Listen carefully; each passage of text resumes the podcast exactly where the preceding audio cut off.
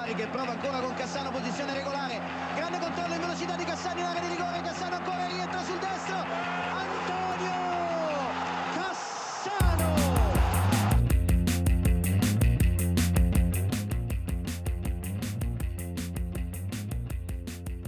Já, það held ég nú Pundur basta komin af stað Tómlöfumrið næstu í, að baki og það fyrir að stýttast í HM frí góða Hvað segir strákar? Átni Þóriður Andjósson, þú ert með mér hérna á Sjölandsbyrtunni og Björn Már Ólafsson, þú ert aðvanda í beinni línu frá uh, Danmörku. Hvað segir þið þá? Já, ég segi bara ágætt, ég er gott að vera komin aftur. Eftir, Já, velkomin aftur. Já Það var skróp síðast. Það var held skróp síðast maður. X, nei, hvað, S í kladdan eða? S í kladdan Eða S, nei, X eða eitthvað. Seint var S, sko. Já, það er eitthvað, það er F í kladdan, fjárverandi Já, uh, Já, bara gaman að koma aftur og þetta var bara skemmtileg helgi í ítalska boltanum eins og eiginlega alltaf. Já, heldur betur. Nokkuð óvænt úrslit þessa helgina. Björn, hvernig hérna, það er búið að stýttast í klukkunni á þér. Þú vantilega að tapa klukkutíma í svefn þessa, þessa helgina. En hvernig ert annars? Her, Ég er bara mjög góður. Það er hérna, já, tapaði það grætti Ég er ekki alveg með þessa klukku á hreinu En hérna, já, bara hrikalega næst hérna í Danmörku. Það er svona, það sem var í gamla dag að kalla Indjánasumar, ég veit ekki hvað það sé eh, nota lengur, bara búið að vera hýtabilgi hérna í hérna á meilandinu Þannig að það er nánast átján, átján gráður Og bara hrikalega gott viður og, og góð stemning. Þannig að hérna, bara mjög næs og, og svo góð umferð í boltanum. Mikið af óvæntum ústitum allan að so far Og hérna, það eru þetta tvei leiki líka eftir á morgun. Þannig að bara góð helgi, allt í allt. Já, þú myndi vantilega að færa okkur fréttir á kostningabaratunni þegar Já, við erum með þryggja tíma, tíma special kemur út á þessari sömu, sömu podcast stöð, hann hérna channel. Dönsk pólitík. Já, já, frá manni Já. sem er ekki með kostningarétt það er hérna, það verður djúpa greiningar. Góð séð á þriðudaginn Það er kosið á þriði daginn maður. Það er býðum spenntir eftir því sko. Átni, hérna heima, allt í blóma bara. Herru, já, það verður nú einhverju kostninga líka. Er, ekki Guðlu Þóra að fara á móti í Bjarna? Þannig að þetta er, þetta er kostninga Ég vika ætla ekki að komin á það, það fer ekki hér sko. Nei, nei, nei, nei, bara að nefna það, það er, Já, já. Verður ekki þryggja tíma þáttur um það líka eða? Nei, hann verður aðeins steytri hann verður tveir og hálfur. Hann verður í mynd. Nei, þetta, er, þetta var viðburðarík helgi að baki á Ítalíu og mér náttúrulega svona kannski að byrja að nefna þessa stungu ára sem að Pablo Marí lendi í í Veslumistu í Milano. Björn, ert þú með 180 gráðurnar á þessu eða? Herðu, ekki mikið annað en það sem svona, það er þessar helstu hérna línur, hann hafi verið hérna viðstattur þegar einhver maður gekk bæsarskang og, og síðan kom í ljós hérna að svo sem að hérna, hvað segja, handsamaði eða náði síðan að stöðva hérna þessa árás var síðan annar gammal knassbytumæður fyrir um, fyrir um leikmaður Róma og einhverja fleiri liða líka. Þannig að hérna ég, veit svo mikið hvað þessu manni gekk til eða, eða svona til, tilefni árásarinnar Nei, þetta var ótrúlega lýsing hjá Marí einhvern veginn hvernig þetta atvikaðist var þarna með batni sitt og, og konu í bara góðum leðangri í Veslunumiðstöðinni og fær svona svaðalan stingi baki og þá er það bara maður sem hefur já bara nýfaðan í bakið. Og hva, hann allavega tók einna lífið þarna í Veslunumiðstöðinni fyrir framann Pablo Marini eins og hann lí, lísti þessu af spítalinum Já, heilsan hans svona nokkuð stöðug, það ekki? Jú, er tala um að hann sé í tvo mánuði frá sem að er náttúrulega já, mjög slæmt fyrir Monsa en, en náttúrulega hann verður bara að jafna sig eftir þetta voðaverk svolítið öðruvísi, öðruvísi meðsl þetta er svona ekki, ekki kannski meðslin sem að íþróttablöðin eru vön að hérna, reikna út svona hversu lengi menn eru frá en svona rýtingur í baki en kannski ekki, ekki daglegt bröð, heppilega. Þannig að hérna, ég er bara vonum að vera mættur aftur á völlin og eins og ég, hann fór í einhver aðgerð þarna um helgina og, og allt lítur allan svona vel út og svona lang, langvarandi heilsans ætti að, vera í lægim þannig að það er fyrir öllu. Við í Punto Basta náttúrulega sendum bata kveður Já, á hann. við þurfum að sína samhjögu í þessu. Já, Það er engin spurning. Uh, Eitthvað annað sem greip ykkur þessa vikuna eða þessa helgina svona utanvallar uh, Já, utan og innanvallar eiginlega það var svona hvað sem er einn helsti stuðnismæður eða í, í, í svona yfirmæður í últra hjá hjá Indir sem var uh, myrtur fyrir utan heimilsitt og stuðnismenn eða Ultras hjá Inder gengu út í hvað, var ekki háluleik bara á leiknum Já, gegn, gegn þarna uh, Sampdoria? Já, og allskeins ólæti hann að Já, þetta, þetta var svona einhvers konar Já, hann hefur verið eitthvað mikið bak við lás og slá þessi maður gegnum tíðina og, og eitthvað, eitthvað hefur gengið á en ég held að stuðnismennir hafa verið að sína bara svona einhvern samhug með honum og eiginlega svona einhvern veginn gegn lögurklinni held ég. Já, þetta, það var einmitt e, svo voru vist einhverja senur bæði sko að þeir hafi verið að svona hvetja eða kannski með öðrum orðum skipa öðrum stuðnismönnum að yfirgefa líka völlin og það sköpuðist vist einhverja svona svolítið senur í kringum það svo, svo læsum líka að þessi yfirmaður þessi aðal ultra hafi verið bara 70 aldri það kom þessi pínu óvart að svona Já, séu 69 svona í ára eldri kantinum. Já, það er svona freka gamalt verið svona mann sem ofta stendur þá hérna, gólir hann í eitthvað kalltæki. Það er einmitt kalltækin hann á San Siro eru mjög hávær, þannig að heyrist í alltaf, þú heyrir bara í kabónum alltaf vera bara einhverjum einsöngu hann þannig ég veit ekki hvort það sé kabóin eða hvort það sé einhver annar svona leiðtói í hópsins en, en allan, sjötugur, hress maður Já, ég þarna ég myndi allavega að hlýða uh, kurfunni ef að þau væri að fara að skipa mér að fara út af vellinum. Þetta eru, þetta eru menn sem að einhvern veginn kalli ekki alltaf ömmu sína sko. Ef, menn, ef fólk hlýði þeim ekki sko. Þannig ég trú, trú alveg að svona óbreyttur stuðnismenn hafi verið svolítið skelkaðir þarna þegar þeir fóru að skipa fólki út af vellinum. Já, þetta er líka þessi svona óþægilegi samblanda glæpamanna og últrasmanna hérna á Ítalíu, við erum líka eftir hérna þegar byggjarúsleikurinn fræði Napoli Fiorentina og þegar Napoli stundismenn hafa verið að eh, voru að halda uppi heiðri eh, hérna einhvers eh, glæpamanns í Napoli sem heitir Jenny, Svíni Jenny sem að, ég held nú að Jenny hérna Savostano í, í hérna Napoli mafíu þátturum sé byggður á svona lauslega. Já, hérna, Já, í Gomorra, þannig að hérna Jenny Savastano er byggður á þessum Jenny da Coronia svíninu, þannig að hérna, þetta eru alls konar litriki karakterir í þessu en bara vona þeir þeim fæ, færi fækandi þessum, þessum svona hálf glæpamönnum, hálf fótbolta bullum Já, það var nú eitt sem að greip mig þessa helgina sem gerist nú reyndar ekki á Ítalíu. Það var hérna góðinu þáttarinn sem Gattuso sem að er stjórið í Valencia. Hann var að mæta náttúrulega Barcelona þarna í, í stórleik og, og var eitthvað ósóttið með hvað menn voru lengi að gera þessi kláran þarna á hliðalínunni og beð boltin einhvern veginn svona fer út, út úr hliðalínuna og hann bara tekur boltan Castellano, eða hérna Samu Castellillo sem að var leikmaður hans hjá AC Milan hann einhvern veginn er ennþá að setja á sér sokkan hann er bara svona rífur í hann og ítur hann svona upp að skipti, skiptipjaldinu og, og svo er annar leikmaður að koma inn á líka. Og hann bara einhvern veginn svona tekur trillingin á hann líka kýlir í öxlin á honum og, og sýnir einhvern veginn bara góða læsikan á hliðalínu sko. Mér finnst það fekk, fekk smá svona sakn í, í, í Gattuso hann við að sjá þetta sko. Það er greinlegt að það er ennþá alveg mikil hiti í honum hann á Spáni sko. Hann verður mættur áttu því Ítalíu, það verður næsta, næsta gigið hans. Það er næsta gigið sko. Það er alls ekki engi spurning með það sko. En Björn, eitthvað svona Eitthvað sem er óupptalið í, í þessu þá Nei, kannski kom inn á eftir en hérna, við höfum alltaf rætt mikið um hérna, hvað þjálfararnir hafa verið kólrugglegar á hliðalínu og fengum nú ábyrtingum um það í hérna, inn á Facebook síðun okkar, punktur að basta sem við getum alltaf til þess að koma inn í að hérna, var nú ennið þjálfarinn sem fekk rauðarspjaldi núna, Ivan Juric í leik Tórin og, og AC Milan og ég, Aftur. já, þurfum að já, aftur, annar rauðarspjaldi hans á tíðanbylnu ef ekki fleiri, þannig að við þurfum að, þurfum að taka saman kannski bara tölfræði eh, og ég býst nú við að gæsastan farum að bara gera það fyrir okkur hérna, hversu margir þjálfar hafa ekki fengið rauðspjald og þetta hlýtur að vera eitthvað með sko. þetta er bara, eh, einhvern veginn, bara nokkuð sérum í hverju einustu umferð sko. Já, Já, við erum að fá hann að gæja sem að var að taka um einhverja tölfræði um, um lukkuhjólni á börum í Reykjavík fá hann í þetta jobb sko. Þetta er hans næsta verkan þetta, þetta, er alveg þetta er verkfræðinga jobb að komast yfir alla þessa tölfræði sko. Já, þetta er, þetta er svo sama flokki eh, sam, samskona tölfræði.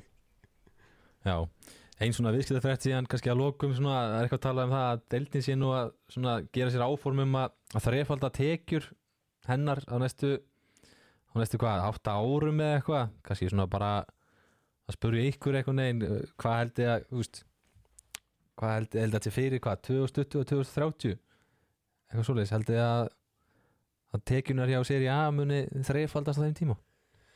Já, ég, ég veit svo sem ekki, ég er ekki búin að rýna í business gögnin en, en ég held að það sé alveg tækifæri til- fyrir deildina að stækka svolítið þar sem að tekjurnar hafa ekki verið nógu háar og hafa einhvern veginn dreigist aftur úr sérstaklega ennsku úrvastildinni og, og einhvern veginn orðin sterkari krafa hjá stóru félagunum að fara að fá almennilega peninga frá deildinni. Ef þeir eiga að nenna þessu. Alltaf búin að vera einhvern veginn að viðra þessa s- súper súperdeldar hugmynd stóru klúbarnir og það er spurning hvort að þeir hafa einhver völd og, og einhvern veginn bara já náu að koma deildinni og svona aðeins aftur á skrið sko, peningalega séð. Já, mikið tala um svona þetta overseas budget sem að þeir eru að fara að reyna að ná inn þá sem það tekir utan Ítalju Hvað segir þú Björn?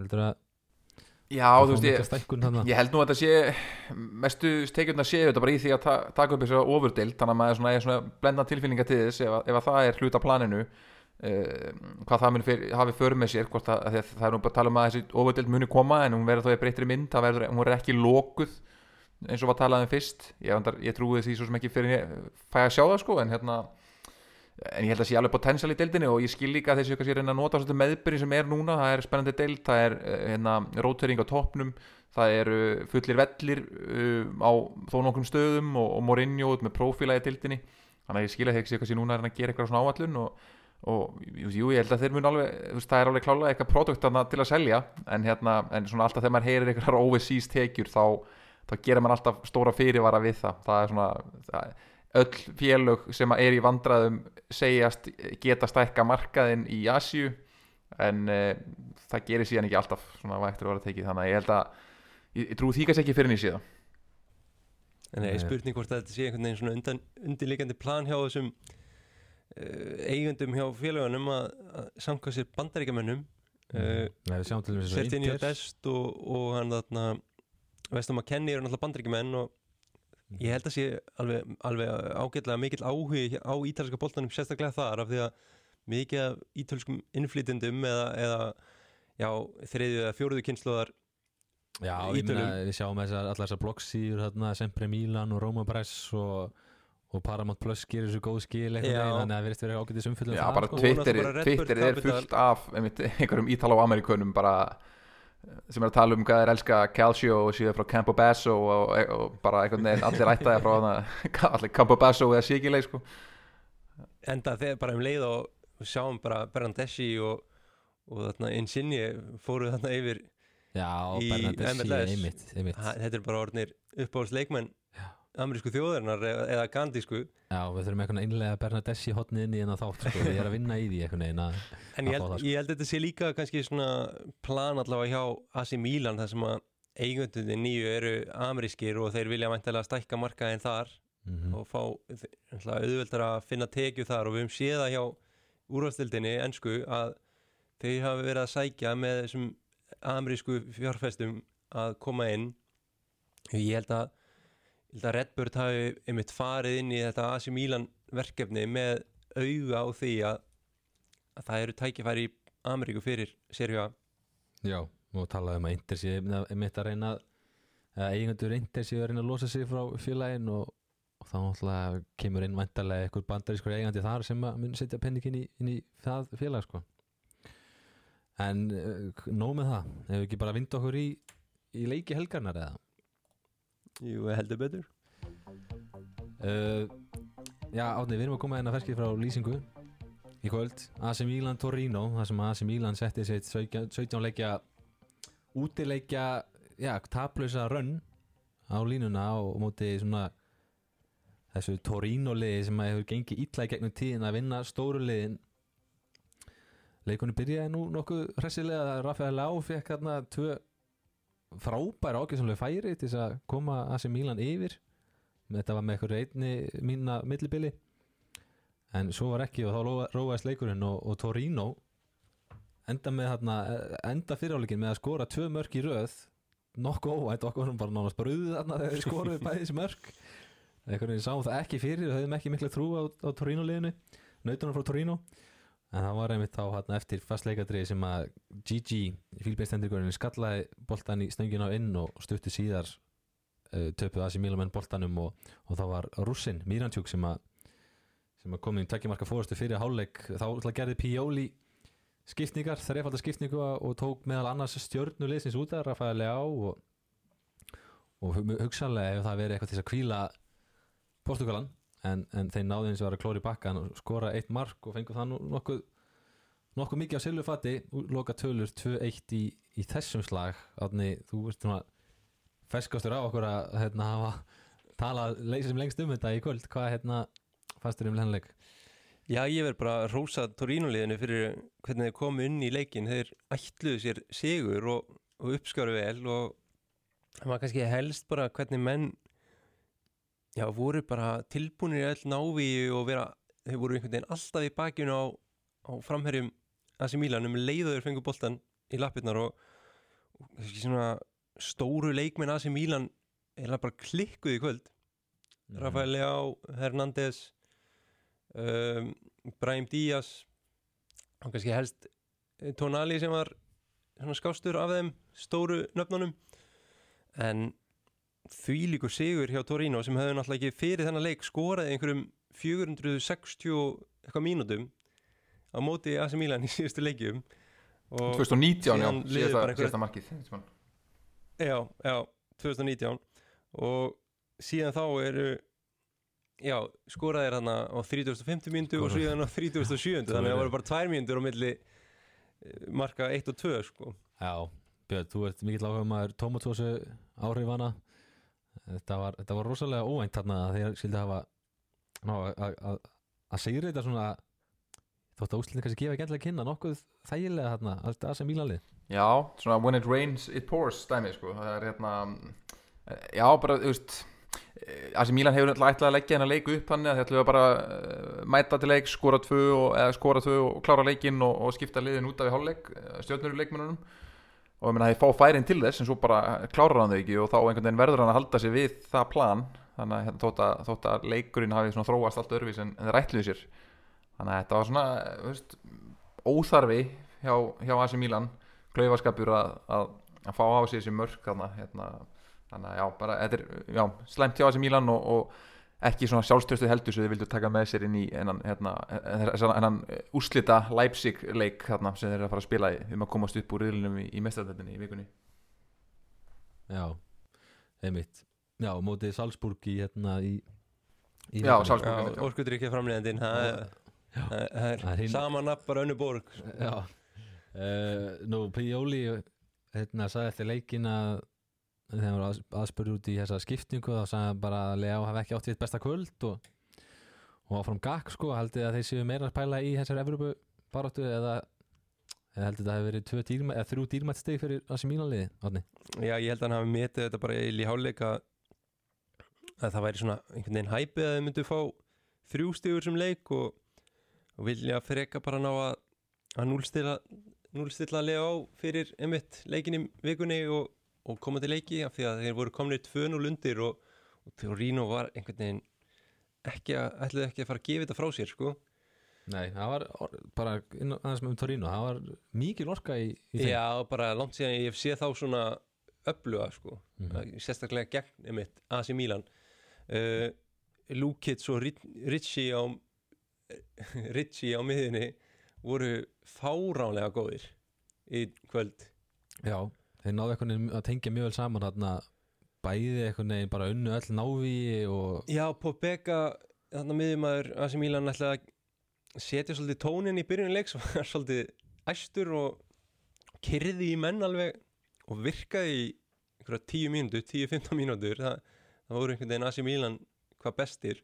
Mm en síðan bara náðu menn að lesa þetta og, og Pobega hvarf í leiknum og þessi menn tóku yfir bara Já, síðan bara miðverðirnir þrýr sem byrjuðu voru líka virkilega góðir já, hollendingurinn þarna frá Ajax já Sjúrs, og, og Bongiorno uh, vinstramegin og DG hæramegin Það er uppáðs maður ekki, Bongiorno Bongiorno, þetta er náttúrulega geðbila nafn sko. Geðveikt nafn sko. Skildinni það það er góðan daginn sko.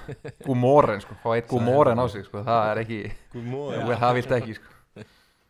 Það voru nokkri morning þarna, sko. Já, þeir eru meitt báður enga virðingu fyrir þessu Asi Mílan liði Björn? Nei og hérna, við vitum hvernig þessi Tórin og lið, eða liðin hans Ivan Júriðs eru, mjög mikið high pressing fótbolti og svolítið maður á mann og maður sá það í svona leik, sko, hvað þeir voru grimmir í þessu maður á mann kerfi allan eitthvað lýsandi hérna í Danmörku sem við var ekki að benda á það að, Ricardo Rodríguez vinstri bakarinn á Tórin og hann var komin einhverstað sko lengst yfir á hægri kanti bara því að hann var að elda manni sinn í einhverju einhverju mjög stífri í svona pressu sko þannig að þetta þeir bára enga virðingu og þeir einhvern veginn höfðu geðið eitthvað trú á verkefninu sko sem að svona, já, þeir eru nú konni með þetta þriðja sigurinn í röð einn í byggar og, og núna tóið til þannig að þetta er bara flott og, og það, þegar hinnir þeir allir er ekki með framherra kannski sem skora mikið að mörgum en þá, þá taka bara hinnir svolítið við og, og hérna já, dreifa markaskorun og bara mjög, mjög kraft mikið lið. Vantaði líka einhvern veginn þegar eiginlega aðal mann Sanabria í þessum leik og en Pellegri framherri Torino í kvöld var einhvern veginn bara mjög góður sko. Já, Já, Gabbi átti alls konar vesinu með hann mm og hörku slagur millir hans og Tomori sem endaði á því að Pellegri var fór í bókina þarna og fekk guldspjald og var tekin út af hann var einhvern veginn yfir spenna eftir að Júrits leti reyka sig upp í stúku -hmm. það smitaði svolítið einhvern veginn í hóp Torino og mér fannst þar vera tækifæri hjá Asi Milan að jafna leikinni einhvern veginn strax í kjölfærið því að leikmennir hjá Torino vera svolítið stressaðir akkurat þá þegar Júrits misti hausinn og er sendur í, upp í stúku og, og Pellegri var eitthvað að missa hausinn gegn Tomori þarna og, en þeir held þetta út. Og bara vel gert að kipa honum út af þá. En svo, svo kom hérna í Mílan má líka nefna De Ketilari kemur inn á og menn eru ekkit voðalega hrifnir af honum eða hans innkomu í svona síðustu leikjum? Nei eins og hann byrjaði vel. Já, já, byrjaði vel en þetta er, við erum að tala um bara gullnu ruslatununa sko, ef að hún var ennþá gefin, blessu sér minning hennar.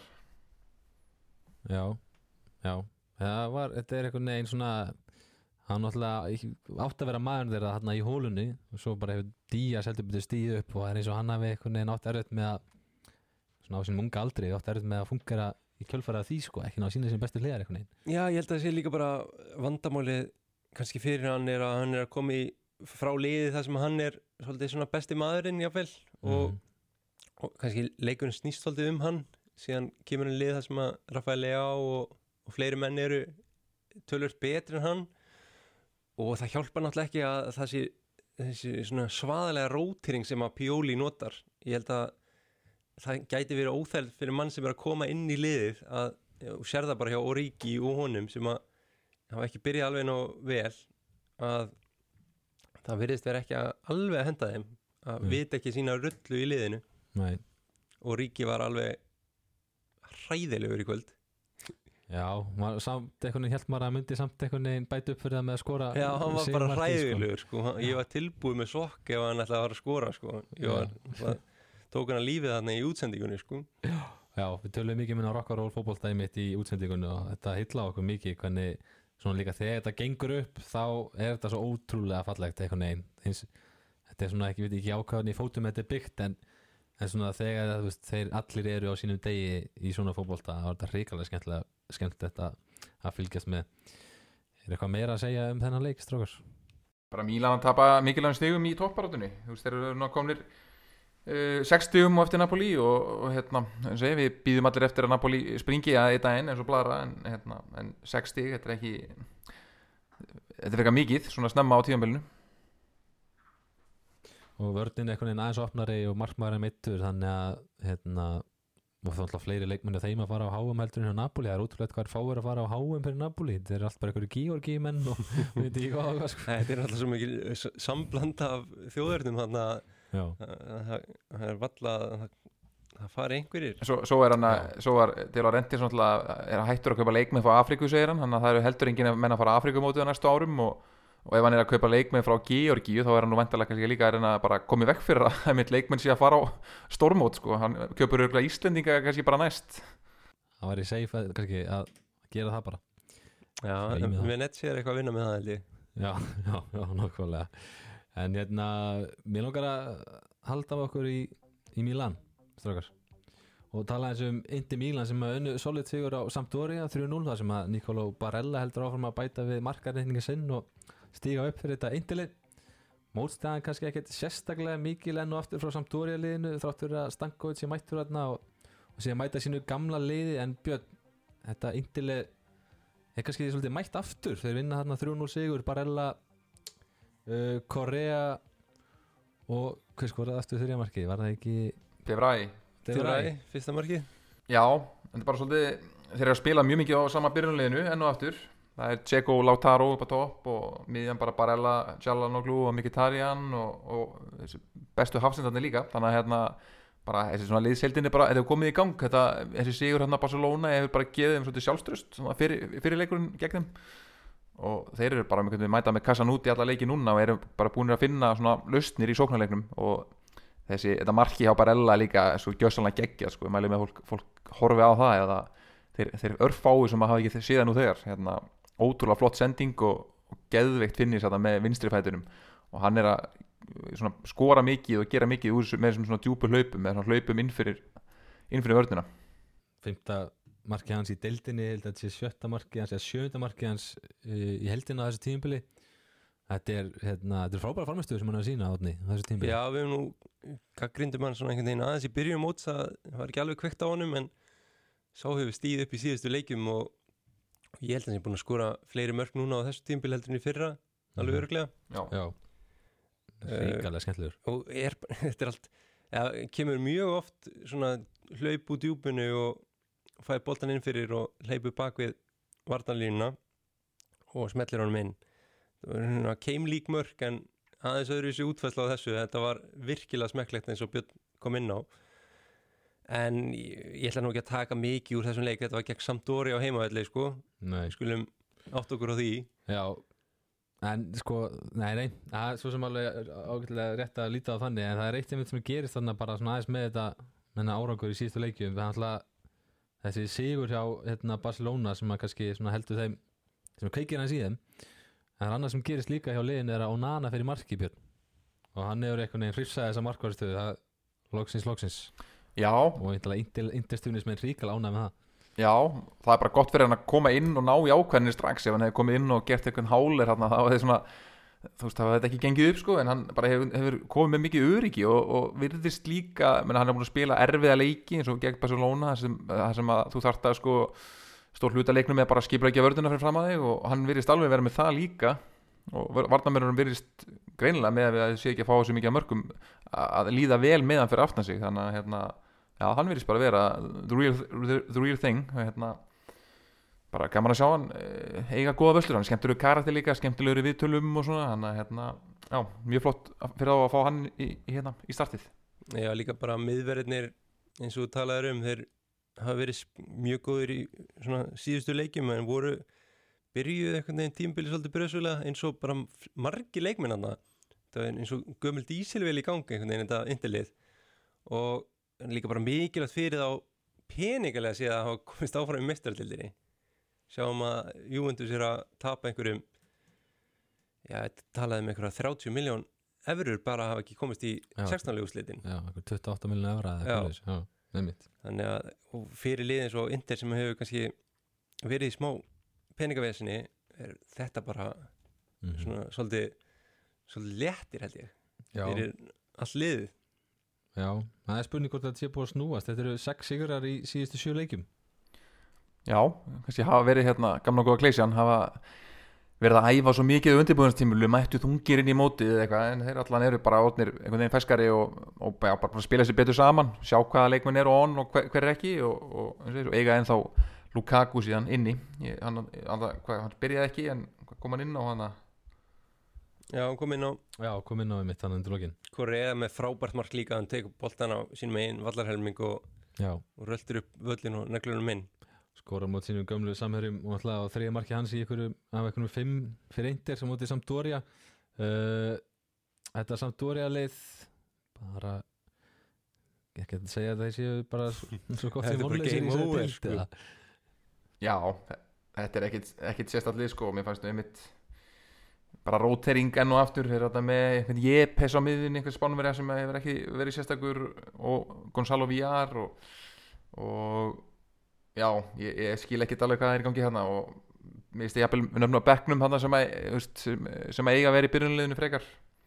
En hafa kannski ekki alveg verið að standa sig heldur hann er kannski bara inn að rótera eitthvað en, en nei, ég er mjög lítið hrifin að þessu projekti hérna núna. Og hérna, já, þeir þurfum einhverja einspýtingu í, í janúar sko. Já, bara bæði að losa einhverja og sækja einhverja, einhverja nýja.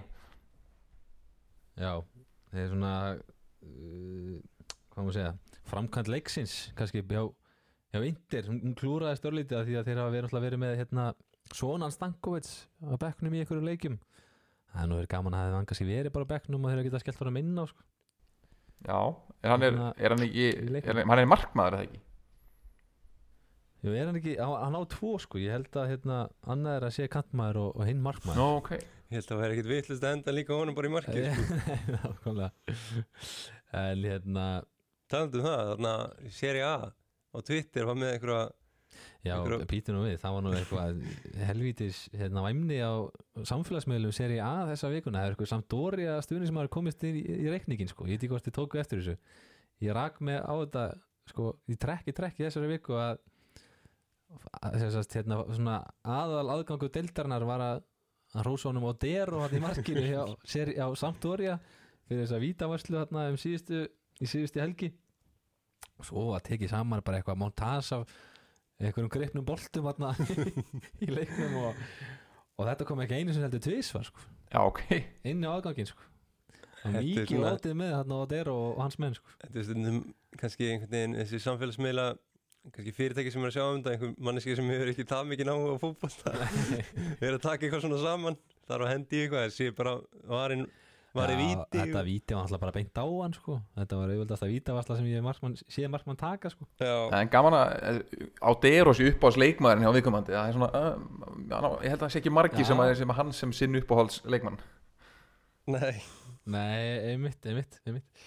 En hérna já, Átni, svona kannski að lokum bara hefur þú trú á þessu væntin og að klífa upp hana töfluna og verið bara við kannski Napoli og AC Milan Já, ég, ég hef alveg trú á því það er bara eins og við talaðum um aðan að dísilvélin er komin í gang og ef, þeir fara að tengja fleiri, fleiri leiki saman þá, þá er allt hægt sko, þetta Napoli liðin alltaf bara er eiginlega ótrúlegt það, er, það, það er eiginlega ekki hægt að spáðum ekki tillinum eins og staðin er í dag sko.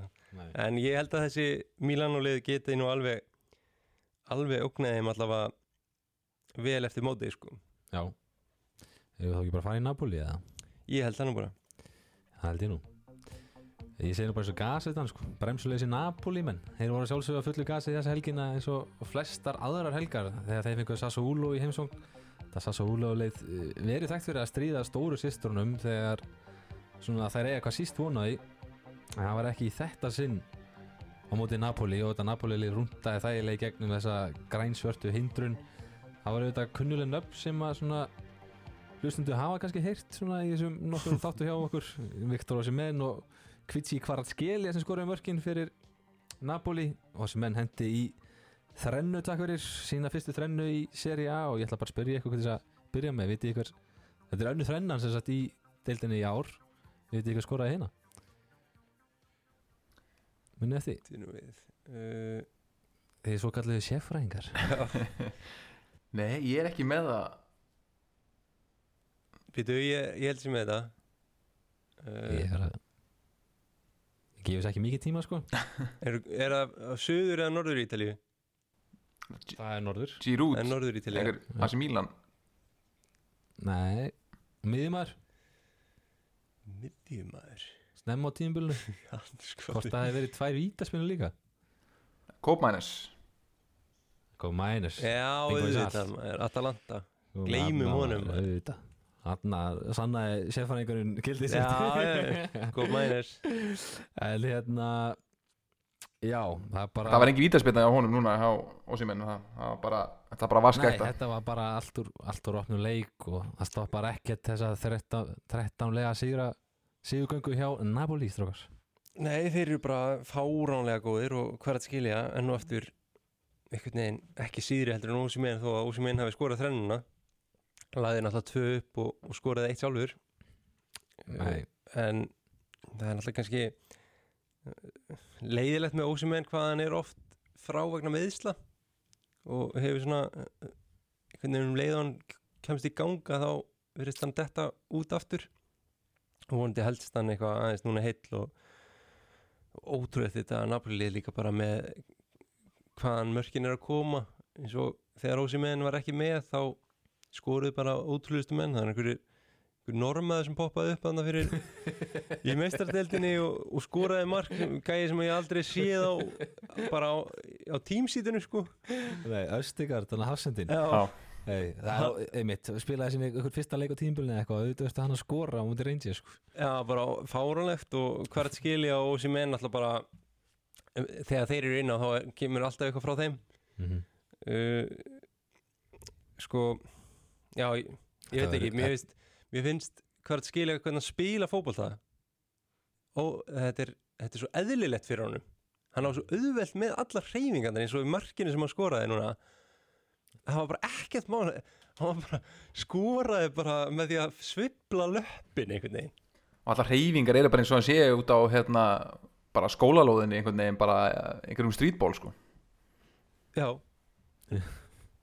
Bara fáránlegt. Þetta er svona smá eins og Rafael Leao, hvernig hann hreyfi sig inn á vellinum. Svona á auðvelt með bara Já. lappa fram hjá mönnum lítil orka í hann ást örugur í öllum hreyfingunum og Já, mér finnst einhvern veginn áhugavert að sjá sérstaklega á þegar við erum búin að vera að fylgjast með meistardildinni núna svolítið vel ég og, ég og Tóki að hvert skilja Rafael Leao og hann Mudrik í Shakhtar Donetsk.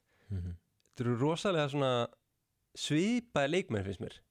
Allt einhverjir geggjaðir vinstri kantmenn. Allir sturlaði vinstri kantmenn og sérstaklega Mudrik og hvert skilja að þeir, bara hreyfingarna þeir eru alveg eins. Eldsnöggir fáránlega góður að taka menn á en líka bara með finnis og, og assist sko. Já ég tek undir það, maður sér mikið líkindi með, meðal hérna Úgrænumannsins og Georgímannsins sko. já, Það er útrúlegt, en þeir eru mitt, þú veist, þetta verður bara betra og betra. Þetta eru 20 mörk í meistardeldinni og þeir hafa ekki stíði fjölnótu allt tímabili björn. Ég veist, ég meina, hvað er þetta að segja meira um það? Já, ég meina það segir líka svolítið mikið um liðið að, að þú veist, uh, hérna Raspadori kemst ekki í byrjunarlið eh, þeir eru búin að rótera mikið í byrjun tíðanbils og, og hérna, varamenn hafa verið að skora mikið og, og sem menn var mittur hérna einhverja leiki og þá fengur hinn í tækifærið en núna eru allir heilir og nú kannski erum við að fara að sjá að hérna, Spalletti þurfa að taka erfiðar ákvarðanir. Hann þarf að henda heitum mönnum á bekkin og, og menn eru kannski tilbúinir í það í byrjun og, eitthvað svona eða fá einhverja mínútur inn á milli og einhverju meiðast. En, en það er spurning hvort það veri kannski smá gremja þegar, þegar líður á og menn vilja fá fleiri mínútur. En eftir, þetta er svona bara spátum einhverju svona gísk því að svo getur vel verið að það sé bara geðeg stemning og þeir ætli sé bara að vinna titilinn og, og allir sáttir sko. En, hérna, en þetta er nú aðturum minni fótballta þeir vilja líka spila mínútur inn á vettinum Eitt leikmaður sem að, hérna, hefur líka komið inn í þetta Napoli sem að við svona, höfum oft talað um skoraði náttúrulega tvö mörk í miðri viku hérna, Giovanni Simeone Er þetta ekki bara leikmaður sem hefur myndið taka með til HM ef því væru Scaloni þjálfur í Argentínu eða? mjög alveg klárlega hann bara finnur alltaf markið þegar hann spilar einhvern veginn. Já, impact leikmaður. Já, var góður í fyrra vilt, vilt heita hann leikmann? Já, klárlega sko, það er spurning bara hvort það sé pláss fyrir hann. Ég, veit, ég þekki nú ekki alveg þess að framlínu hjá Argentínu. Mikið samkynna allan Já, bara gefur mér að hún sé ágættis samkefnin sko. Það, já, bala er ekki svona eitthvað en, líklegastir- en það, það er nú einhverju fleiri þarna sem kunna sparka boltarum í neti sko. Jú, það er Lotaro náttúrulega og svo erum við með Dybala sem að er eitthvað rættur um að hann verði allan að orðin heill aftur.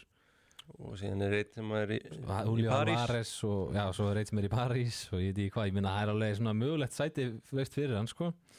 Já, En ég myndi það- taka sensinn sérstaklega ef að ef að taka svona stóra hópa eitthvað, 26 manna hópa. Já, hann var með, hann var með hann hefur alltaf sannað sig á þessu tímbili og á því síðasta í sikkur liðinu sem segir að hann hann er ekki bara sniðin að einu kerfi nei. Þetta, eru, þetta getur orðið 14 sigur í röð fyrir Napoli lið ef þeir sigur að Liverpool á Anfield í vikunni. Svo í kjölfari kemur Atalanta útileikur, Empoli heima og fyrir og síðusti leikur fyrir HM er heimaleikur genn út í Nese ef við væru hérna að veðja strákar er þetta taplausur inna hjá Napoli? Nei, ég held að misti ég sig einu sinni fyrir fyrir hérna mótið. Það eru, það eru alls konar bananahýði, það er ekki endilega stóru liðin sem að munu vinna á, en þeir, þeir munu rasa á einhverju bananahýði Já, Onni, hvað segir þú? ég held þetta verði alveg erfiðu leikur gegn Liverpool í myrju viku sko þó að þeir hafi nú alltaf ekki verið nógu góður en Nei, Ég held ég geti slegið eitthvað með fyrir ítasklið í, í, í markaskorun allavega Já, í mistardeld í mestadildinni Já. realkeppni sko.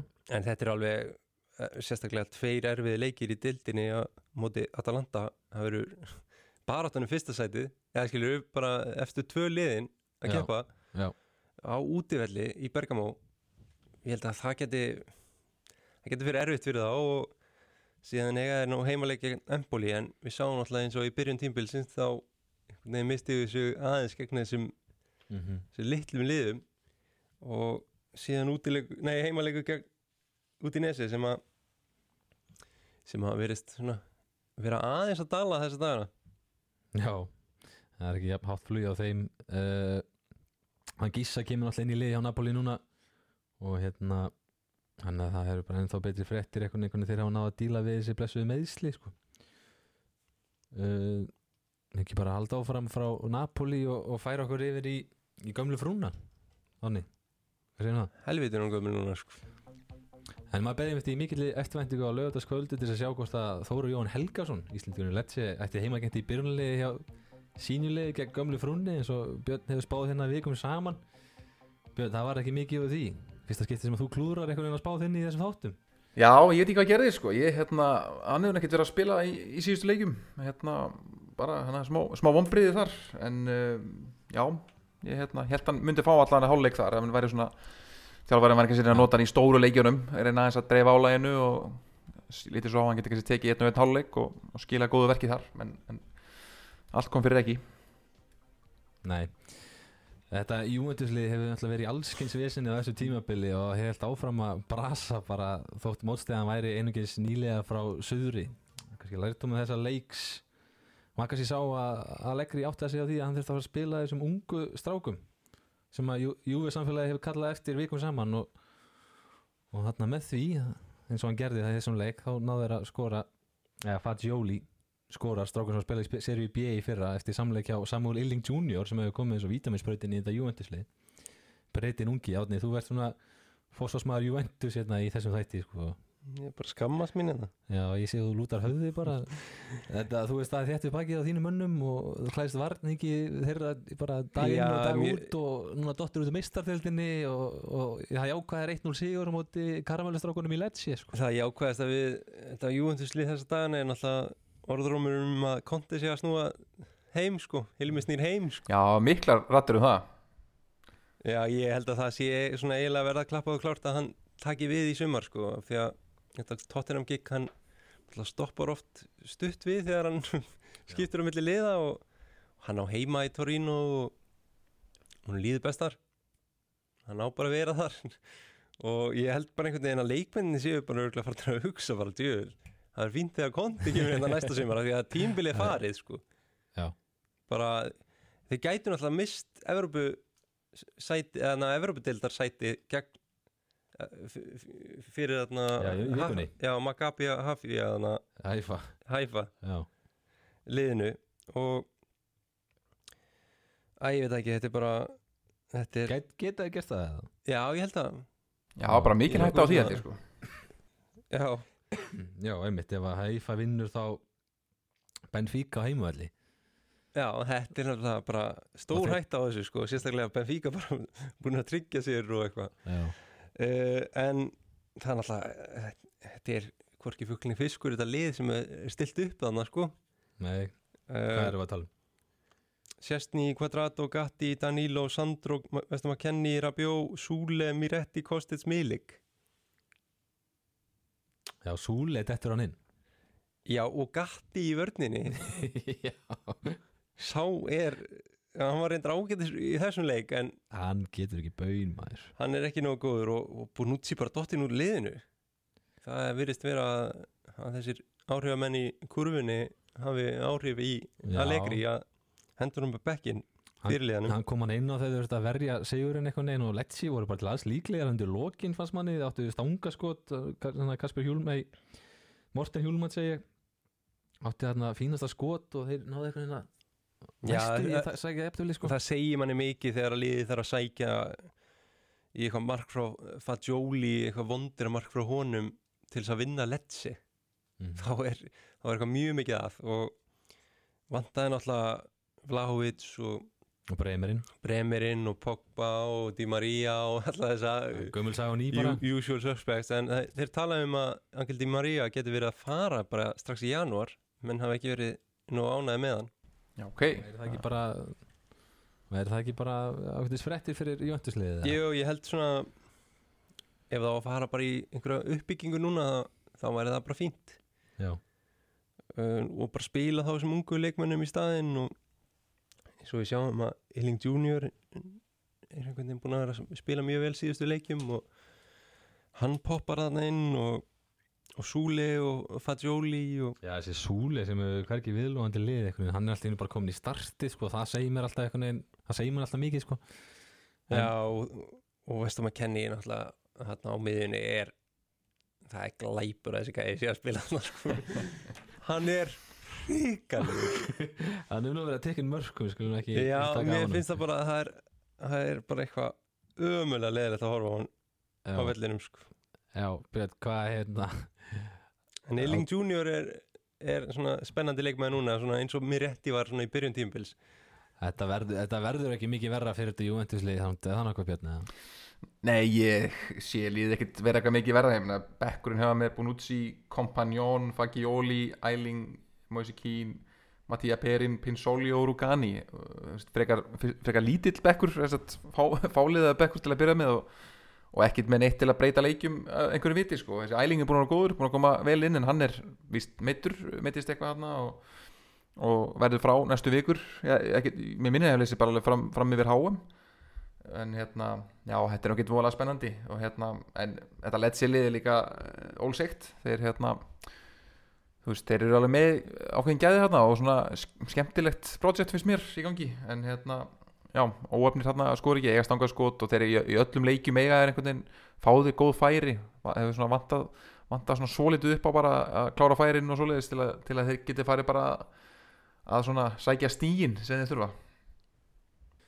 Um mitt já, það þarf einhvern veginn svona það nánast þurfti einhvern breyta þarna bara til að til að einhvern veginn að fara niður með hausin og keira áfram til að ná þessi þrjú stig sko. það er einhvern gaur sem er uppalinn Chelsea leikmaður og, og hefur verið að koma inn í þetta skemmtilega sko.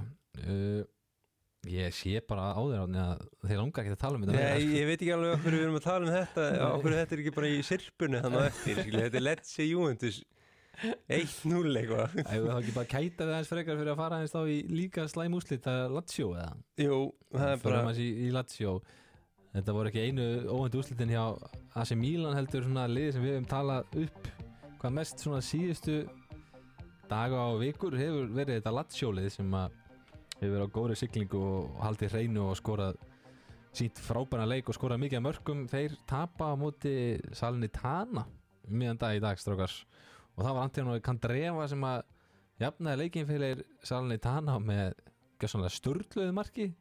Það er ekki eitthvað negin það er ekki eitthvað negin hann er ekki dögur öllum æðum sá fyrir Nei, leikmaði Lazio langt í frá. Þetta er, langt í frá sko. Þetta er okkar okkar maður, sko. Kann drefa okkar maður og Fa- Fa- Fazio sem að skoraði hérna annar markið fyrir Lazio leið fyrir um leikmaður Róma og, og, og svo var það nýji strákurinn hjá Salernitana sem að innsiklaði sigurinn 3-1 nokkuð óvænt og úr karakter með þetta Lazio leið í ár Björn. Já, ég skrifaði um til grein í síðustu viku að hérna, við þurfum að fara að tala um Lazio. Þeir hafa verið bara svo góðir að maður leit út fyrir að þeir verið að fara í topparáttu en þar með jinxaði við þá og þeir tappa hérna á heimavelli gegn Salernitana. Þetta er bara mjög óvænt og uh, hérna uh, já, bara gullfallet mark sem að Kandreva skorar þegar hann jafnar leikin ég, ég vil meina Kandreva með eigi sér íslenskan tvífara uh, Robert Ragnar Spano dómari við mannandadómstól Európu Já, hann er alveg er, það er eitthvað annað sko. Gamli kennari minn. Sá að 50 eða ekki í, í viku Jú, hann er einhverju viðtali í, í fréttablaðinu fyrir, fyrir áhuga sama. En hérna, á, það er, er, tvífari, vil ég meina. Og hérna, e, já, bara það var Það mark stóð upp úr í þessu leik. Latsjóti kennst yfir með, með Sakani hérna aftur en, en bara virkilega stert hjá Salernitana og þeir eru alveg með stríðsmenn hérna í liðinu sem að, sem að elskuð að vinna þennan leik og hérna Federico Fazio skoraði 2-1 markið hjá Salernitana og hann náttúrulega er gammal leikmaður Róma til margra ára og, og elskaði að, að, spila á móti Lazio. Hann, hann, hann elskaði að koma á sín gamla heimavöll og, og vinna þá bláklædu Heilt yfir hafa þetta verið nokkuð svona hérna já bara gefnir sigrar ef svo má segja. Þannig að það verðist verið eins og núna séu liðin aðeins að mistika sig sko. það geti, geti gefið deildin ekstra mikið krydd. Já, menn hlóu náttúrulega mikið að mér þegar að ég spáði að Selin Tana myndi halda sér aftur uppi eftir, eftir ótrúlega björgunarna í fyrra. Var mikið skrifað og hleyið um mig Já. þá en og mikið sem maður sá einmitt, það var ekki sérstaklega vænar kveður sem maður sá. Nei, en þeir hafa aldrei bara komið óvart já, í þessu móti og bara fínasta byrjunlið finnst mér hjá þeim í dag þeir eru náttúrulega með eh, klassika rekord 4-4-4 fjóri sigra, fjóri jafntefli, fjóri töp. Þannig að og ef það endar þannig í tímbili að það er, það er jafnt í öllum og öllum ásum þá, þá endar þetta vel. Já. Heldur betur, þeir náttúrulega söknuðu Lazio Immobile og, og klúru heil mikið að færum uh, eftir að Salni Tana kemst yfir við Tino klúrar þarna algjöru dauða færi uh, og Sakani næri ekki að nei hérna afsakið Felipe Andersson næri ekki að skora þannig að hérna þeir vantarlega eru bara býða svona býða í óvæni Lazio menn að eftir að Immobile kemur tilbaka sko. Já, spurning hvort, þeir- þeir hafa eitthvað sem bara einmitt vannmeti svolítið anstæðingin í leiknum en svo eru þetta líka það sem var mikið talað um eftir leik að hérna, eh, Milinkovic Savic fær guldspjald í leiknum, kemur inn á hotna og missir það næsta leik sem er Rómadarbið, þannig að eh, mjög dýrkeft og Mauricio Sarri var ekki par sáttur með það. Nei, það er aldrei þessi leikir mitt í næstu viku, það er Inter, Juventus og Roma Lazio. Það verður, mjög fórhald að sjá hvernig það spilast út sko. En já, bara svekkjandi svekkjandi úslit fyrir, fyrir ljósblá leið í, í Róm á heimavalli uh, klárum þess að yfirferð bara og, og kannski fáum lag undir því átni, þú ert svona DJ vanalega DJ þáttarins, ertu með eitthvað gott fyrir okkur eða? Herru, já, það er bara Saint-Tropez twist sko, með Pepino di Capri. Býttu nú við. Pepino di Capri er einhver svona legendary daglega söngvari á Ítalíu og byrjaði að syngja fjögur ára gamall og spila piano fyrir einhverjum bandarískum hermönum held ég. Og er kendu við eiguna fögru, Capri undir, sem er við strendur Napoli og hann ætlar að syngja þennan þessa fögru tóna undir markasirpunni og hún góða lýsing undir Já. já, skulum líða það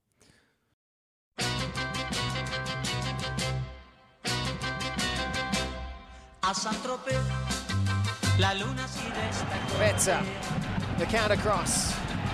Falls to Inzola!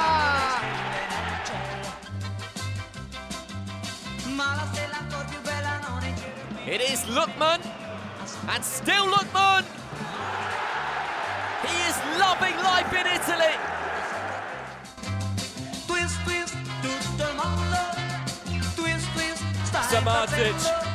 Men left and right, Samardzic, De La Feu! Una lunga notte ancora mai più scordata. That was the chance! La gente si chiede And there we go, it's all over here, the Giovanni Zini. Portando un vestito in lame. Saponara's there, it's blocked! Dronkowski with a miracle, and Cabral! Arthur Cabral off the bench to win it for Fiorentina!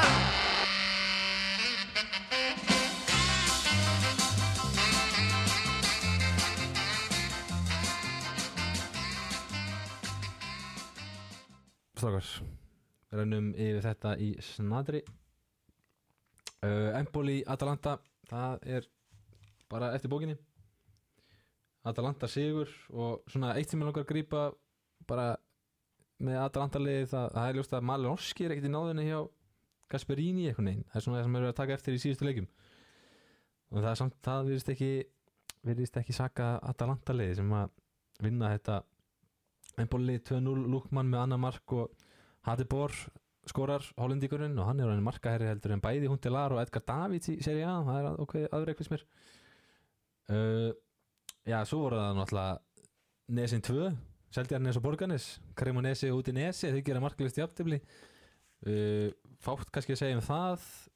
Björn, Nei, bara Cremonese er að stimpla sinn sem kannski leiðilegasta liði í dildinni það var hérna drefleðilegu leikur hérna í síðustu umferð sem ég hóla og ég horfði því svolítið ekki á þennan. Svæfði þig. Já, ég svæði mig og ég, ég, ég lagði ekki að horfa á þennan.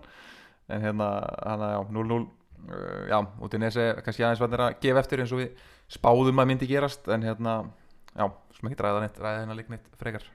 Svo voru góð úrslit fyrir fjólunar í Fiorentina sem að mættu til Spezia og fyrir stjóri Spezia setti nývin í bakið á Spezia munum þegar Arturo Cabral skoraði úrslitamarkið undir lokin eftir að Spezia fekk raukt spjald uh, frábær úrslit fyrir Fiorentina og þeir ætla, þeir ætla að fara áfram í Evrópu líka þannig að það er kannski von eftir allt saman. Kannski samt sem áður svona skildu segur fyrir þetta Fiorentina lið eitt til þess að taka út með þetta er kannski það að Mér finnst ég svona að sjá annað Fiorentina lið þegar Milinkovic er í vörninni hjá Fiorentina Það er svona eini punkturinn minn kannski. Já, hafa verið að svolítið, rótera svolítið Já, hafa verið að rótera svolítið hann hefur komið inn og búin að vera meittur og eitthvað en já, það er sammála, það er frábær, frábær leikmaður Já, virkilega mikilvæg fyrir þetta lið sko. En svo laga maðurinn minn í þessu Maðurinn, Já, Já, skilur, það er bara, ég er dýrkan. Já, Hún komið fimm mörk í deildinni. Í Tólleikjum, það er helviti fínt fyrir framherja spetsja sko. hann stendur sér alltaf í stikkinu kallinn Mikael, Mikael, já, Mikael kom ekki inn á hjá Spezia. Svo alltaf í kvöld þegar þetta kemur út á morgun fyrir okkur sem erum að taka út við núna er það Hellas Verona, uh, Roma og Monza Bologna fólk vantarlega spenntari fyrir síðan leiknum heldur en fyrir, nei, kannski ekki. En hérna bara færum okkur þá yfir í neðri deildinar hvað er minn maður De Rossi að gera þarna í, í seríu B? Ég sá að það var jafntefli mótið Sútiról eða ekki? Suðu Dýról ekki kannski nógu góð byrjun eða? Já, við erum nú gætt stórsigur hérna í síðustu umferð en, en hérna 5-0, en já, jafntefli við Suðu Tíról Suðu Tíról náttúrulega var liðið sem að fór upp úr sédeldinni í fyrra með því að fá á sig sjö mörg á öllu tíðanbylnu þannig að þetta var þetta er erfitt liðið að brjóta niður. Uh, svo var það Hjörtur Hermann sem að lesti búrunu fyrir Písa gegn Benevento. Gott að sjá hann aftur komin í lið Písa Já, þá fara hjólun að snúast. Já, sannarlega. Og uh, já, svo náttúrulega var það okkur stærsta stjarnar í deildinni Albert, hann var að spila á móti Brescia og kom inn á fyrir, fyrir Genoa. Kom inn á 80. mínútu. Uh, Mæntalega bara eitthvað rótering annað hjá Genoa liðinu eða ekki? Jú, ég held að erfiður, erfiður leikur gegn Brescia og þeir eru manni færri þarna í Genoa í síðustu korterið og, og fá á sig jöfnunamark 90 pluss 4 já, frá Brescia þannig að þetta var svekkjandi leikur hjá Genoa. en þeir eru ennþá í öðru seti Þeir eru eða þá í öðru sæti og, og góður leið upp síns manni. Í kvennaboltanum ára óvænt úrslit átni har tapað AC Milan. Já, þau töpuðu fyrir eh, þarna uh, nafninu sem að er veginn á erfitt með að bera fram Pomigliano Calcio. Uh, svona nokkuð óvænt að, að þeir tapi þessu og Guðni Átnandóttir leik leikinn töpuðu 2-1 og síðan tapaði nú einmitt Anna Björk Kristjáns fyrir Róma í 1-2 tapi Inter gegn Róma, Róma og Íslendingast lagur séðan eða ekki?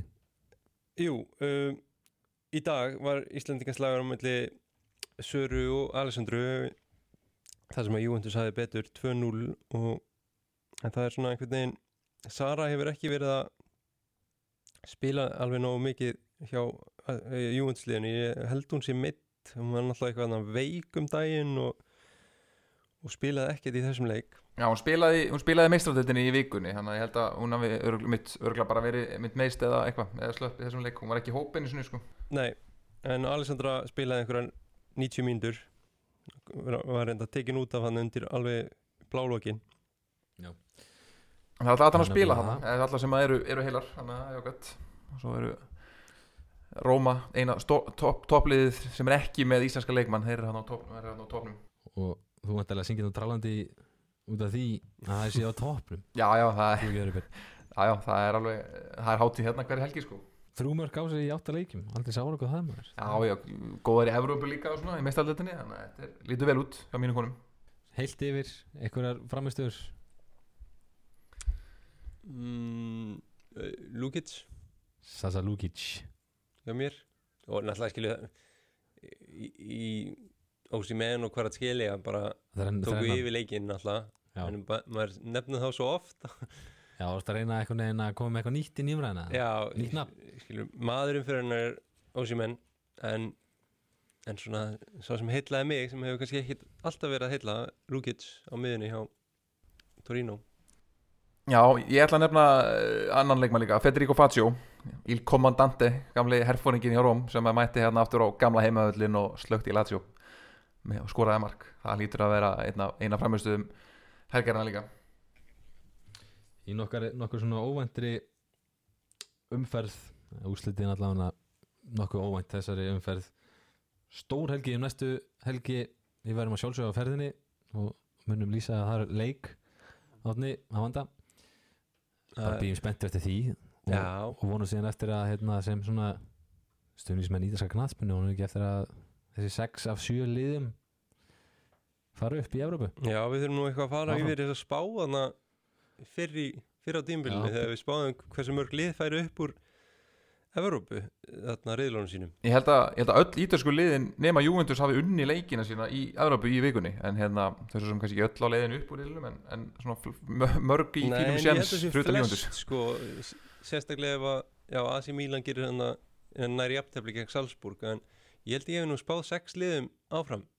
En átti nú ekki vona endilega Juventus með þetta út? Nei, af Lazio náttúrulega Nei, þú áttu kannski minnst að vona því. Já, Lazio er náttúrulega efst í sínu reyli Róma þar sigur um í Ludo Goretz og, og svo náttúrulega þar Asimilandi jafntefli Napoli fljúa áfram Inter er komið áfram og, og Juventus situr eftir. Það er bara og Fiorentina er síðan svona jú, þeir eru komin áfram líka í sínu reyli þannig að það er útlið Já. bjart allána Já. á meðan spænsku liðin er að strögla en hérna bara sitjum punktur í við í þessari viku og kannski bara nefna nefna bara leikina í næstu, næstu umferð. Það er auðvitað eins og við nefndum það er Rómaslagur auðvitað Róma Lazio og svo er Juventus Inter sömu umferð og Atalanta Napoli. Þannig að þetta er eiginlega bara bara þrýr toppleikir um. Þetta kemur, kemur í kemur í kýmpum bylgjum. Já, Við munum lýsa einum af þessum leik allavega já. Ég og Tóki Já, stillið inn og, og takk fyrir að hlusta á okkur í dag. Við bara byggjum að helsa að þangur til næst.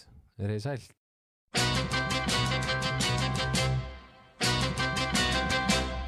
A San Tropez la luna si resta con te e balla il twist contando le stelle nel cielo. Ma la stella ancora più bella non è in cielo è qui vicino a me.